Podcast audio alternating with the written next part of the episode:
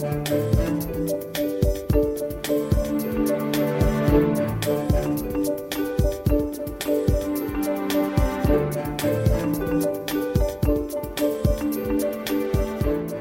Bodził, dzień dobry. To jest program Szczerze o Pieniądzach. W studiu gość e, Włodzimierz Owczarczyk, wiceprezes ZUS. Dzień dobry panie prezesie. Dzień dobry panu, dzień dobry państwu.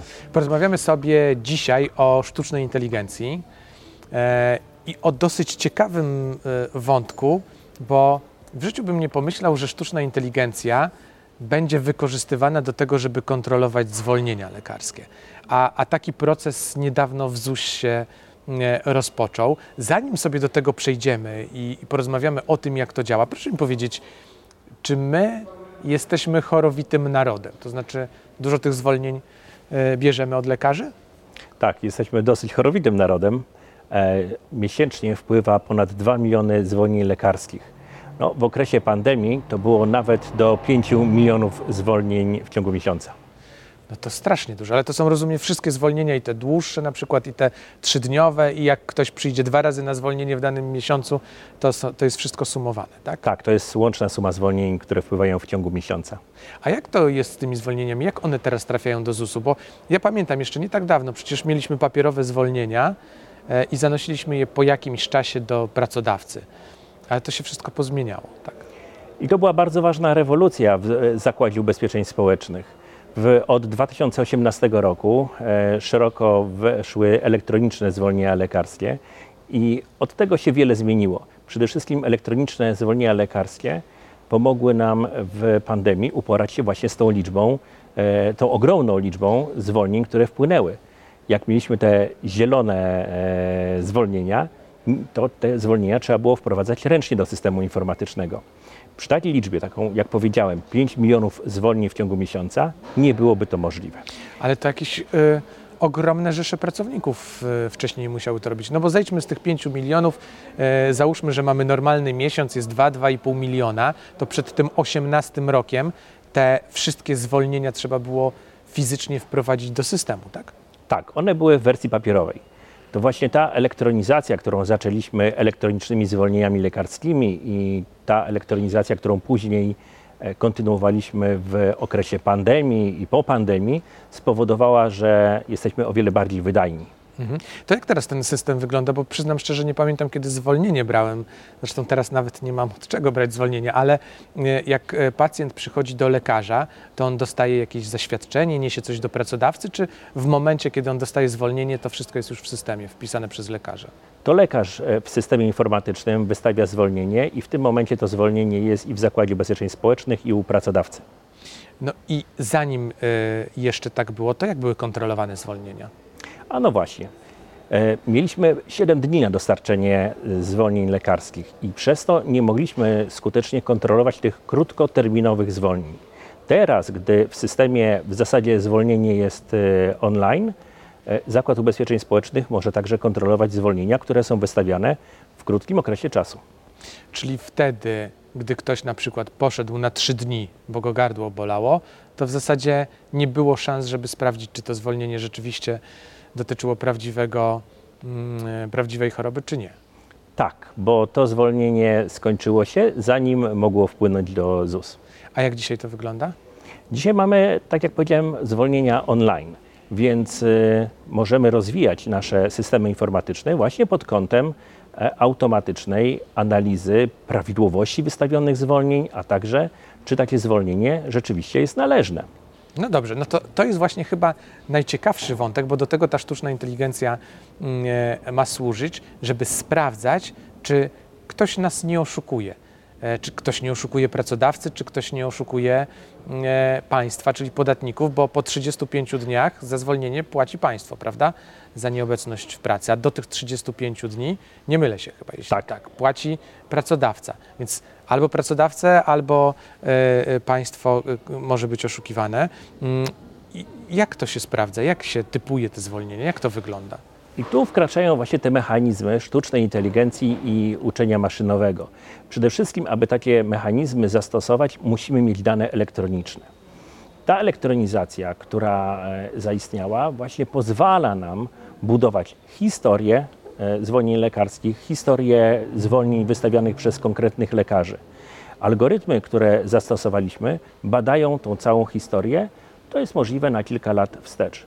Czyli możemy wytypować też e, lekarzy, którzy wystawiają na przykład bardzo często zwolnienia lekarskie, które są niesłusznie wystawione, ale i także historię u danych e, świadczeniobiorców. Czyli może być tak, że wykryjecie pacjenta, który symuluje i, nie po, i, i wymusza na lekarzu zwolnienie na przykład? No bo umówmy się, nie wszystko da się zdiagnozować tak pstryki już e, i stwierdzić nie, to nie wymaga zwolnienia albo rzeczywiście wymaga. No czasami pacjent, szczególnie uczniowie tak czasami symulują, ale e, da się wyłapać takie symulacje? Mamy wgląd już do wystawionych zwolnień lekarskich i na tej podstawie e, typujemy te zwolnienia do kontroli. Czyli jeżeli kontrole e, wypadały e, negatywnie dla ubezpieczonego, tą informację w systemie mamy. Mamy także właśnie informacje na temat lekarzy. Więc e, jest bardzo dużo informacji, które są analizowane, korelowane, zestawiane razem i przez to możemy typować te zwolnienia, które wydają nam się podejrzane. Już po wdrożeniu tych mechanizmów, e, właśnie związanych z, ze sztuczną inteligencją i uczeniem maszynowym, liczba takich zwolnień, które można określić jako nieprawidłowe, wzrosła trzykrotnie. I to dzięki sztucznej inteligencji trzykrotnie więcej, trzykrotnie wyższa jest ta liczba tych zwolnień, które mogły być źle wystawione?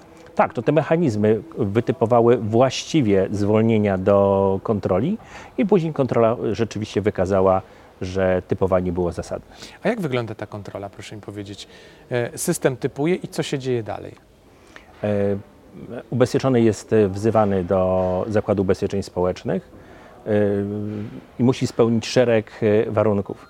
Czyli też musi przybywać pod właściwym adresem, jeżeli na przykład nie może chodzić i po prostu jest badany przez naszych lekarzy orzeczników i wtedy ci orzecznicy sprawdzają, czy to zwolnienie było zasadne, czy też nie? E, można w ten sposób już sprawdzić rzeczywisty stan e, ubezpieczonego, czy jest chory, czy też nie. A proszę mi powiedzieć, panie prezesie, czy jesteśmy już na takim etapie, czy to może funkcjonuje, albo jest planowane, albo nie będzie realizowane, bo nie, taka jest tego, nie, nie taki jest tego cel? Czy jeżeli przychodzi do lekarza pacjent, który gdzieś, umówmy się, na takie słowo wymusił wcześniej ze 3-4 zwolnienia, to taki lekarz dostanie w systemie informację, że oto przyszedł pacjent, który lubi symulować, czy to nie temu ma służyć? Nie temu ma to służyć. E, pacjent przychodzi do lekarza po pomoc. Jakby w to nie ingerujemy. Czyli dopiero później sprawdzamy, czy rzeczywiście to zwolnienie zostało wystawione, czy nie. A czemu to ma e, służyć tak na końcu? Bo wydaje się, że E, przede wszystkim chyba temu, żeby ograniczyć koszty, prawda? Tak, tak jak e, panie redaktorze pan powiedział na początku, e, te koszty ponosi pracodawca, a na samym końcu Zakład Ubezpieczeń Społecznych. To są środki, które tak naprawdę my płacimy. My płacimy za te zwolnienia i za to, czy ktoś rzeczywiście je w prawidłowy sposób wykorzystuje. Więc dbamy o nasze wspólne pieniądze. Panie prezesie, a sądzi pan, no bo y, dzisiaj w zasadzie dopiero zaczynamy o tym mówić, bo to jest no, gorąca nowość, że tak to określę. Nie było tego systemu e, wcześniej e, w ZUS-ie, on został opracowany.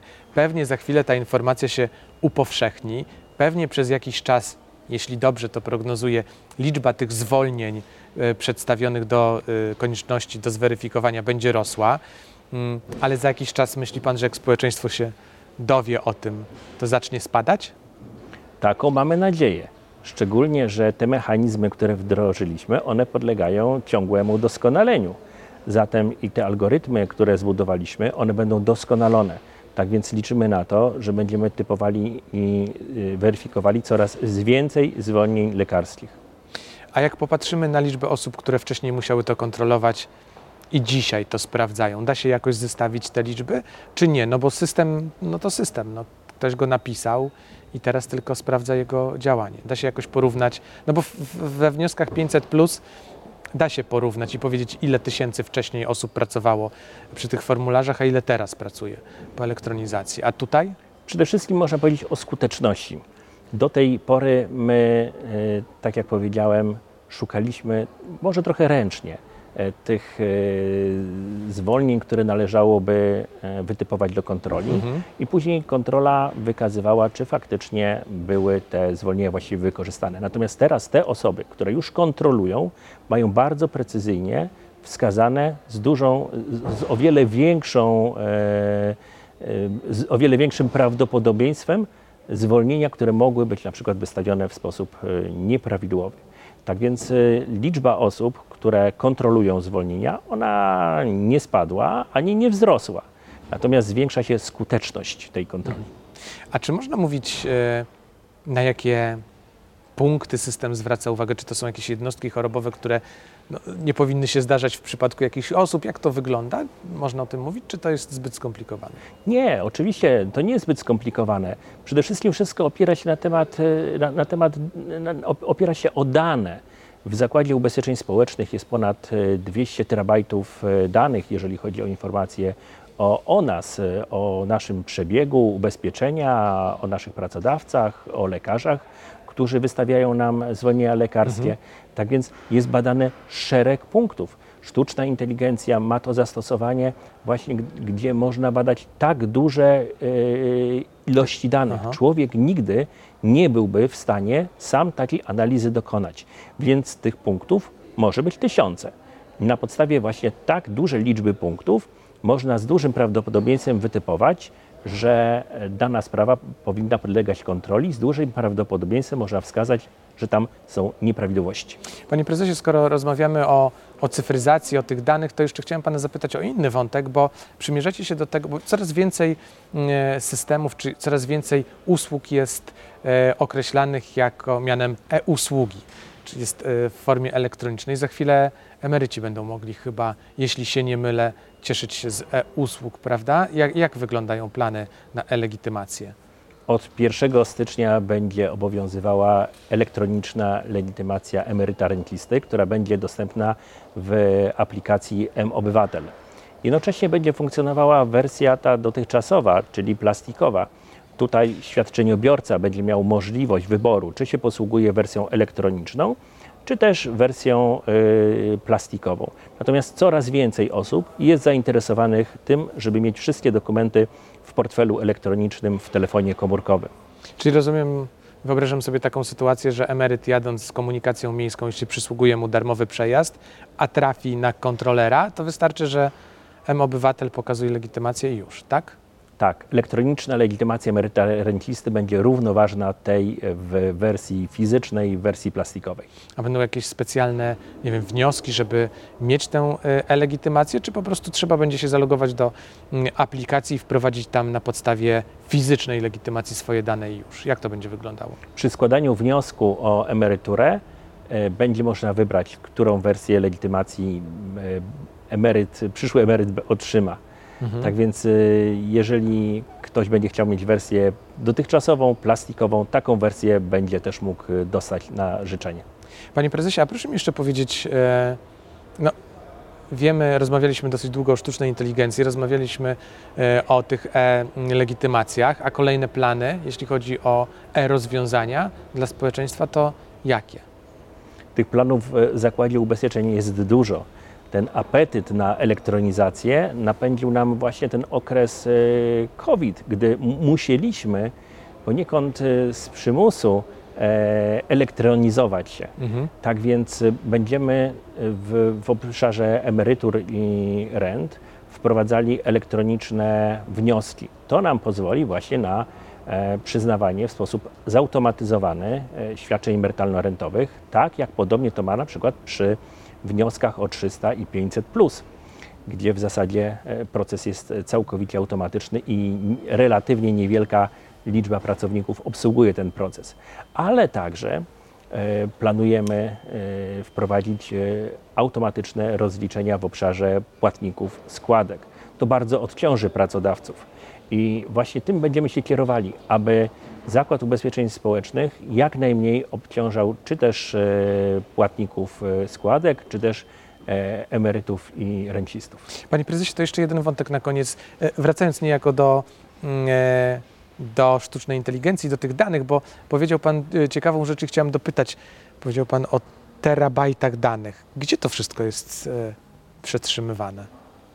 Jakieś chyba ogromne ilości przestrzeni dyskowej są potrzebne na to. Tak, to prawda. System Zakładu Ubezpieczeń Społecznych jest jednym z największych systemów e, informatycznych w Europie. E, Proszę zauważyć, że co roku do systemu ZUS wpływa około 650 milionów e, dokumentów. Tak więc to, jest, to są bardzo duże zbiory, duże zbiory danych i właśnie na podstawie tych informacji, które gromadzimy przez lata, możemy e, dokonywać tych takich ważnych zmian, wprowadzając między innymi sztuczną inteligencję, czyli rozwiązania, które będą te dane automatycznie analizowały. Ale można, czy to tajemnica, zdradzić, czy one są w jakiejś serwerowni, gdzieś jest jakieś specjalne miejsce, rzędem y, te serwery są poustawiane, tak z takiej technicznej strony. Tak, tak. e, Te dane oczywiście są zgromadzone w ośrodkach obliczeniowych e, ZUS i są to serwerownie, w których e, znajdują się i serwery przetwarzające dane, jak i macierze dyskowe, na których dane są zgromadzone oraz systemy za- e, zapewniające wymianę informacji ze światem. To pewnie temat na kolejną rozmowę, bo trochę trzeba by pewnie o tym poopowiadać. Dziękuję pięknie za wizytę w studiu. Dziękuję bardzo. Włodzimierz Owczarczyk, wiceprezes ZUS był moim gościem, a to był program Szczerze o Pieniądzach. Ernest Bodziuch, do zobaczenia.